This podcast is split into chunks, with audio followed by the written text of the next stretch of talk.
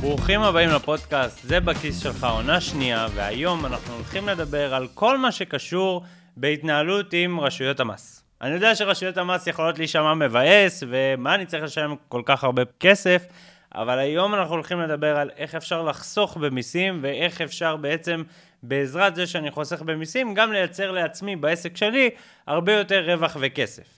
לפני שנתחיל בפרק, אני מזמין אתכם ללחוץ חמש כוכבים גם על הפודקאסט, ומעבר לזה, לשתף אותו עם עוד חברים, כדי שנגדיל את הרשימה ונעזור לעוד עסקים גם להרוויח הרבה יותר כסף וגם לחסוך במיסים.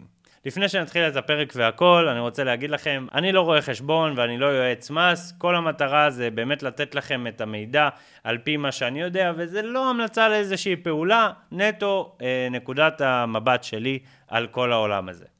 אם אנחנו עדיין לא מכירים, שמי ליאור דה סילביה ואני יועץ פיננסי לעוסקים מורשים וחברות, וכל המהות שלי זה לעזור להם להרוויח הרבה יותר כסף בעזרת ניהול נכון של תזרים המזומנים ושיפור הרווחיות שלהם בעסק. עכשיו בפודקאסט הזה אני משתף אתכם בכל מה שעובד, ולפעמים גם לא עובד, לעסקים שאני מלווה, ואתם מקבלים הצצה מלאה לאיך נראה עסק שמתפקד בצורה טובה במדינת ישראל.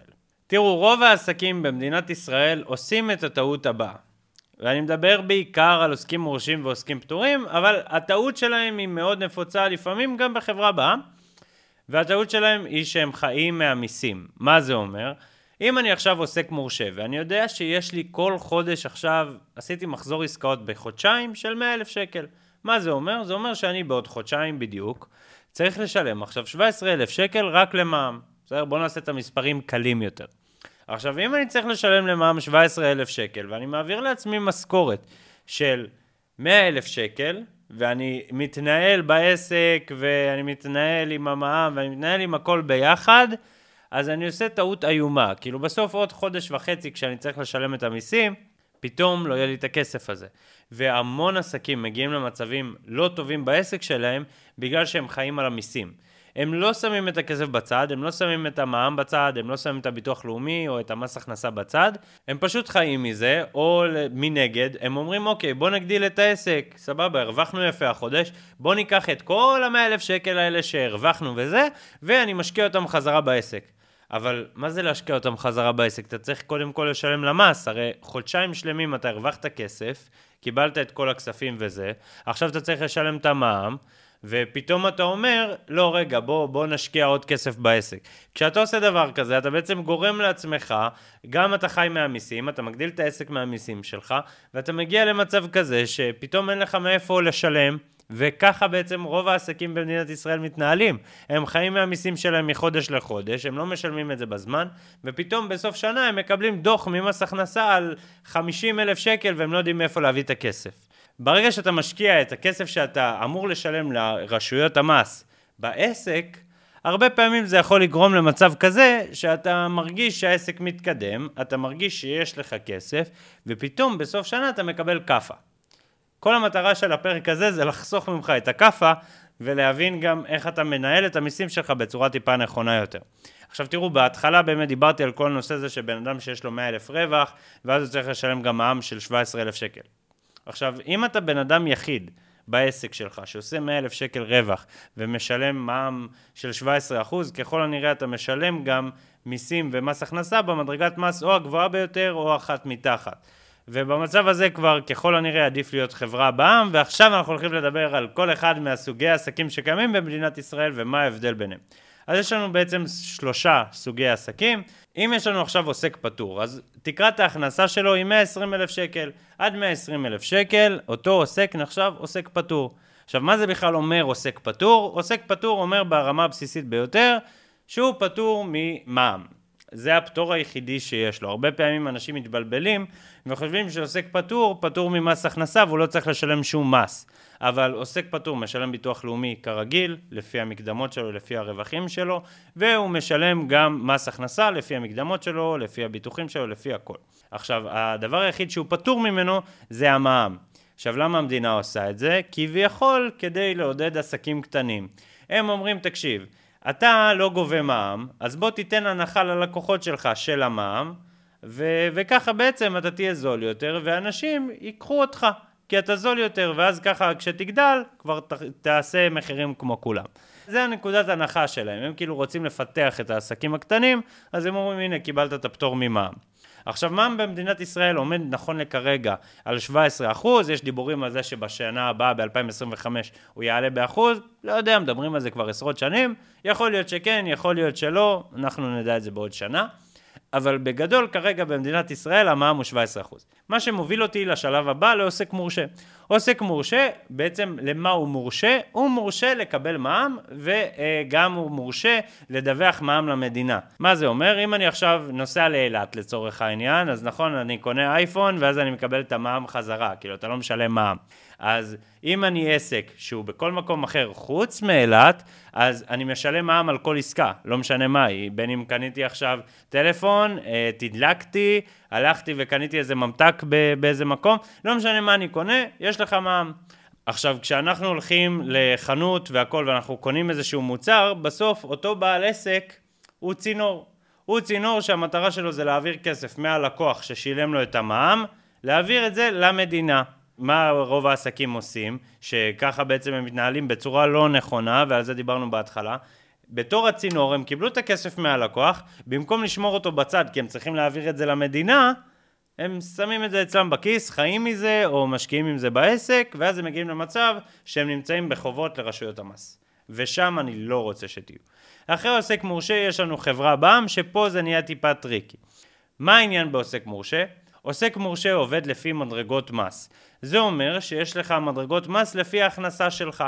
עכשיו, אני לא אכנס איתכם יותר מדי למספרים, מה כל מדרגה, כי זה סתם יהיה משעמם וחופר, אבל בגדול עוסק מורשה שעכשיו נמצא במדרגת מס של 35 אחוז, ככל הנראה, עוד פעם, זה לא בטוח, ככל הנראה כדאי לו לעבור לחברה בע"מ. ולמה זה? כי עוסק מורשה משלם מיסים על כל הסכום. על כל הסכום שהוא הרוויח הוא משלם מיסים גם אם חלק ממנו הוא משקיע בעסק בחודש הבא. אם אנחנו חוזרים לדוגמה הראשונה, הרווחתי לצורך העניין 100 אלף שקל לחודש ואני רוצה מתוך ה-100 אלף שקל שהרווחתי, אני רוצה לקחת 60 אלף שקל בחודש הבא ולהשקיע אותם בעסק בעוד אנשי שירות, בעוד איש צוות, בעוד uh, שיווק, בעוד דברים כאלה. אז אני לא אוכל לקחת 60 אלף שקל כי אני צריך לשלם מיסים ש, שיגרמו לי שה-60 אלף שקל לא יהיו באמת אצלי. אבל בחברה, זה השוני בעצם בין חברה לעוסק מורשה, יש לך את הזכות לתכנן את המס שלך. אז קודם כל מס חברות הוא גם עומד על 23% מסך הסכום. אז זה אומר שעל 100 אלף שקל רווח, הייתי משלם 23 אלף שקל בטוטל על המיסים שלי, כי זה מס חברות במדינת ישראל, ואז משם את ה-77 אלף שקל שנותרו לי אני יכול להשקיע בעסק. ואז נשאר לי הרבה יותר כסף להשקיע בעסק, לפתח אותו, לקדם אותו. אז לפעמים יהיה שווה לעבור לחברה בע"מ מאוד בהתחלה, לפעמים יהיה שווה לעבור לחברה בע"מ אחרי שנתיים שלוש, לפעמים לא יהיה שווה לעבור לחברה בע"מ בכלל. כי לחברה בע"מ גם יש את ההוצאות שלה והכל.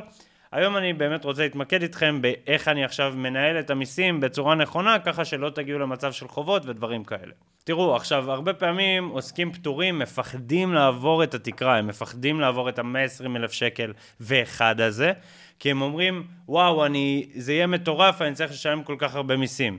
אבל העניין הוא שגם צריך להסתכל על זה בצורה טיפה מרחוק. האם אתה רוצה לחיות מ-10,000 שקל בחודש? כי זה מה שאומר להיות עוסק פטור. עשרת אלפים שקל בחודש, הכנסה, אני לא מדבר על ההוצאות. אם יש לך הוצאות של אלף, אלפיים, שלושת אלפים שקל על העסק, אז עם מה אתה נשאר? עם שבעת אלפים שקל? מן הסתם שאתה רוצה להרוויח יותר כסף, אתה רוצה להרוויח את ה-30, 40, 50, 60, 100, ואתה לא יכול להיות שם אם אתה עוסק פטור, אין מה לעשות, ככה זה עובד. ולכן אנחנו רוצים, גם כשאם אתה נמצא עכשיו כרגע בעוסק פטור, וכרגע אתה מתחיל את העסק שלך ואת הצעדים שלך, אתה רוצה, אתה רוצה במהות שלך לעבור להיות עוסק מורשה כמה שיותר מהר. עכשיו, יש המון עסקים שאתה יכול לראות אותם, בעיקר אנשים שהם uh, ב mindset של פעם, שלא, המדינה תגנוב אותי, המדינה זה, ואז הם מגיעים למצב שהם נשארים עוסקים פטורים ומעלימים חצי מהכסף, ולאט לאט גם רשות המיסים uh, מגיעה אליהם. ובסוף להגיע אליך אחרי 20 שנה שאתה העלמת מס, הדוח לא יהיה כל כך כיף. כאילו בסוף יש שני דברים בטוחים בחיים, שזה אחד מוות והשני זה מיסים. אז בסוף יגיעו אליך. ואתה לא רוצה שיגיעו אליך שהעלמת מס אחרי 20 שנה, תעבוד לפי הספר, תעבוד כמו שצריך, אתה לא יכול לשנות את החוקים, אז תעבוד לפיהם. ובגלל זה אני גם רוצה שכשאתה עובד לפי החוקים, אז תיקח את המיסים, כמו שאמרנו קודם לכן, שיש המון עסקים שמתנהלים עם המיסים שלהם בצורה שוטפת, אני רוצה שתיקח את המיסים ותשים אותם בצד. אני רוצה שכל חודש עכשיו נכנס לך לצורך העניין עשרת אלפים שקל שאתה יודע שהם אמורים להגיע למיסים, תשים אותם באיזה פיקדון בנקאי, תשים אותם באיזה PayBox, תשים אותם באיזשהו מקום, או אפילו בחשבון בנק אחר, כדי שאתה יודע שברגע שמגיעה ההודעה מהעורך חשבון, תקשיב, החודש יצא לך עשרת אלפים שקל, אתה מקדים אותו ואתה יודע שזה המיסים שאתה צריך לשלם. עכשיו, אתה שואל אותי בטח איך אתה יכול לדעת. אז אתה יכול לחשב בעצם אחת לשבוע באמת כמה באמת הרווחת ומה היו ההוצאות ומה היה זה, שזה טיפה יותר קשה וטיפה יותר מסובך. או שאתה יכול לעשות משהו שהוא קצת כלל אצבע, אבל הוא מאוד יכול לעזור בנושא הזה, שזה בעצם לקחת 15% מהמחזור, אם הכנסתי 100,000 שקל בחודש, אני לוקח 15,000 שקל ושם אותם בצד. הרבה פעמים אתה יכול להגיד לי, מה, אבל ליאור, תקשיב, רק המע"מ זה 17%, זה 15,000 שקל. כי אני לא מתחשב בהוצאות, אני לא מתחשב בכמה כסף אתה מוציא, הכנסת מחזור של 100,000 שקל, שים 15 בצד, נטו למיסים. עכשיו, יהיו חודשים שזה יהיה טיפה יותר, בוא נגיד יהיה 16,000. ויהיו חודשים שזה יהיה משמעותית נמוך יותר, זה מאוד תלוי באחוז הרווח, וזה מאוד תלוי בכמה הוצאות באמת יש לך והכל, אבל זה הכלל אצבע שבסוף יגרום לך, בסוף השנה, בסוף 2024, לא להגיע למצב שיש לך חובות. אני יכול לשתף אתכם שהגיע אליי איזשהו לקוח, שהוא אומר לי, תקשיב, עכשיו קיבלתי הודעה מביטוח לאומי, 12,000 שקל אני צריך לשלם להם. בוא, איך אני עושה את זה? בואו נחלק את זה לתשלומים, בואו נעשה זה. עכשיו, למה הוא הגיע למצב הזה? ביטוח לאומי עובד בצורה מאוד פשוטה. הם עובדים בצורה כזאת שעד שכר של אזור ה-7,000 שקל בחודש, אתה משלם 5 אחוז. 5.27 אחוז, משהו כזה, ומשקל מעל, כלומר עברת את ה-7,000 שקל, אתה מכאן משלם 17.87 אחוז על כל היתרה, על כל הכסף, עד אה, אזור ה-50 אלף שקל, ומשם זה כבר כאילו אותו סכום, לא משנה מה.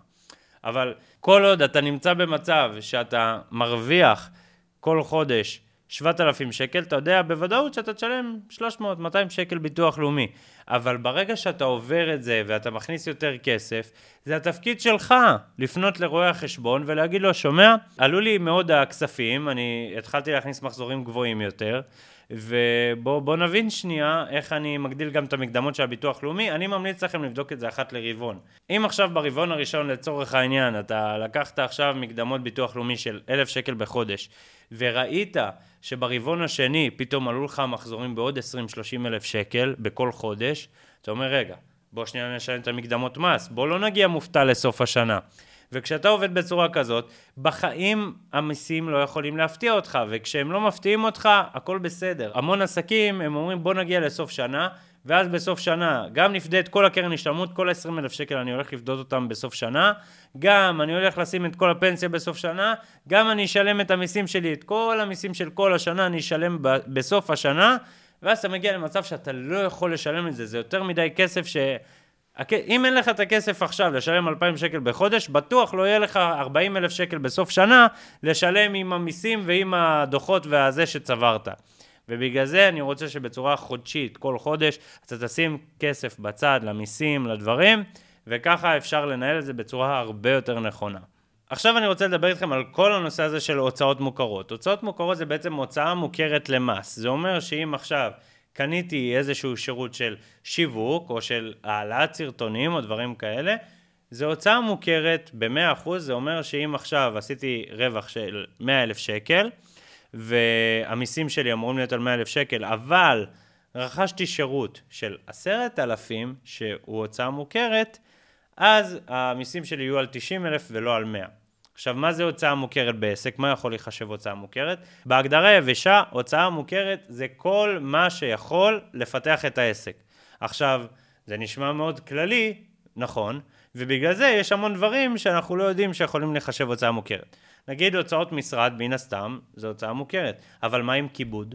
אם הלכתי עכשיו לאיזושהי פגישה עם לקוח גדול והכל, זה יכול להיחשב כהוצאות כיבוד. אם הלכתי עכשיו וקניתי בגדים לעסק, זה יכול להיחשב כהוצאה מוכרת. אם אני עושה כל מיני דברים שהם על הגבול האפור, הם יכולים להיחשב כהוצאה מוכרת לכל דבר ועניין. אז איך יש בעצם הוצאות שהן כן מוכרות והוצאות שהן לא מוכרות? אז יש בעצם אה, כלל אצבע שאומר פשוט, אם אתה יודע להסביר את זה לרואה החשבון שלך, והוא יודע להסביר את זה לרשות המיסים, ברמה כזאת שכן, ההוצאה הזאת היא פיתוח עסקי, אז ההוצאה הזאת תהיה הוצאה מוכרת, ללא כל ספק. עכשיו, גם בתחומים האפורים יותר, כאילו, גם אם עכשיו הלכתי וקניתי צמחים. צמחים, מה הקשר בין זה לבין הוצאה מוכרת? אין קשר. אבל אם הצמחים האלה, אני קונה אותם למשרד שלי, וזה משהו שאני רוצה כדי לייפות את המשרד וזה, זה לגמרי נחשב הוצאה שהיא תהיה הוצאה מוכרת. הכל תלוי באיך אתה, באיך אתה עושה את זה. אם אתה עכשיו קונה קפסולות של נספרסו, אז מן הסתם זה לא ייחשב. אבל אם קנית קפסולות של נספרסו למשרד שלך, ולקוחות מגיעים אליך כל הזמן, אז זה כן ייחשב הוצאה מוכרת. בסוף זה מאוד מאוד משתנה על מה הסיבה שבגללה קנית את זה. ואם אתה עכשיו הולך להסתפר אחת לשבוע כי אתה מעלה סרטונים, ככל הנראה זה לא ייחשב. אבל יש דברים שכן ויש דברים שלא. ובגלל זה כל המטרה וכל המהות זה לשאול את עצמך, ו- וזה גם מה שאני עושה באופן אישי, זה לשאול את עצמך, אם ההוצאה הזאת הייתה לא הוצאה מוכרת, האם עדיין הייתי עושה אותה? אם התשובה היא כן, ככל הנראה שזה לא ייחשב למס הכנסה. אם התשובה היא לא, יכול להיות מאוד שזה באמת לפיתוח העסק, וצריך לראות איך, איך מדברים את זה לרואה חשבון, וככה בעצם גם מתנהלים עם זה בצורה נכונה. עכשיו, אני מאוד ממליץ לכל אחד שיהיה לו רואה חשבון או איזשהו יועץ מס. יש המון עסקים באמת שמתנהלים, בעיקר עוסקים פטורים ומורשים, כי חברה חייב, אבל המון עוסקים פטורים ומורשים מתנהלים ללא מישהו שמייצג אותם, והדבר הזה גורם להם לבזבז כל כך הרבה כסף. כאילו בסוף כמה רואה חשבון לוקח? 400-500 שקל בחודש בגג? והוא יכול להציל לך עשרות אלפי שקלים בשנה, באמת ברמה כזאת, יש כאלה, הרואי חשבון הממש מטורפים, גם יצליחו לעזור לך לחסוך מאות אלפי שקלים. אז אם השירות שלו שווה פי 10 או פי 100, אין סיבה לא לקחת אותו. וגם הוא חוסך לך התעסקות, ככה שזה פשוט שווה את זה. עכשיו המון המון אה, עסקים וחברות אוהבים להתייחס לכל הנושא הזה של רכב חברה. וואו, איזה כיף, רכב חברה. אבל רוב הפעמים... זה לא משתלם. זה כאילו קטע כזה, שאם יש לי רכב מהחברה, וואו, איזה יופי. אגב, גם שכירים, כן? גם שכירים שמקבלים רכב מהחברה, אומרים, כן, יש לי רכב מהחברה, וגם דלק, וגם זה. בואו נדבר שנייה על זה, כי אני מקבל את השאלה הזאת לא מעט פעמים, גם באינסטגרם וגם בפייסבוק, והמון פעמים אני נפגש בשאלה הזו. וכל העניין הזה של רכב מהחברה, זה בעצם עובד על הדבר הבא. יש משהו במס הכנסה, לא יודע אם שמעתם על הדבר הזה, שהם רוצים להגדיל את ההכנסות שלהם. המדינה בסוף תמיד רוצה להגדיל את ההכנסה שלה כמה שיותר, וכשאני מדינה ואני רוצה להגדיל את ההכנסות שלי, ועכשיו חברה מסוימת קנתה רכב, איך אני יכול להרוויח כסף כל חודש מחדש, למרות שהיא קנתה את הרכב הזה לפני שנתיים? איך אני יכול? בצורה פשוטה יש משהו שנקרא שווי שימוש רכב. אז אם אני עכשיו קניתי רכב בחצי מיליון שקלים, שהוא אמור לשמש את החברה והכל, המדינה רוצה לקבל ממני כסף על המיסים, הרי חצי מיליון שקל רכב, זו הוצאה מוכרת של החברה, זה רכוש של החברה, אבל אני רוצה את הכסף של המיסים, אני בתור המדינה. אז מה אני הולך לעשות? אני הולך להגיד, בוא תיתן לי שווי שימוש רכב כל חודש.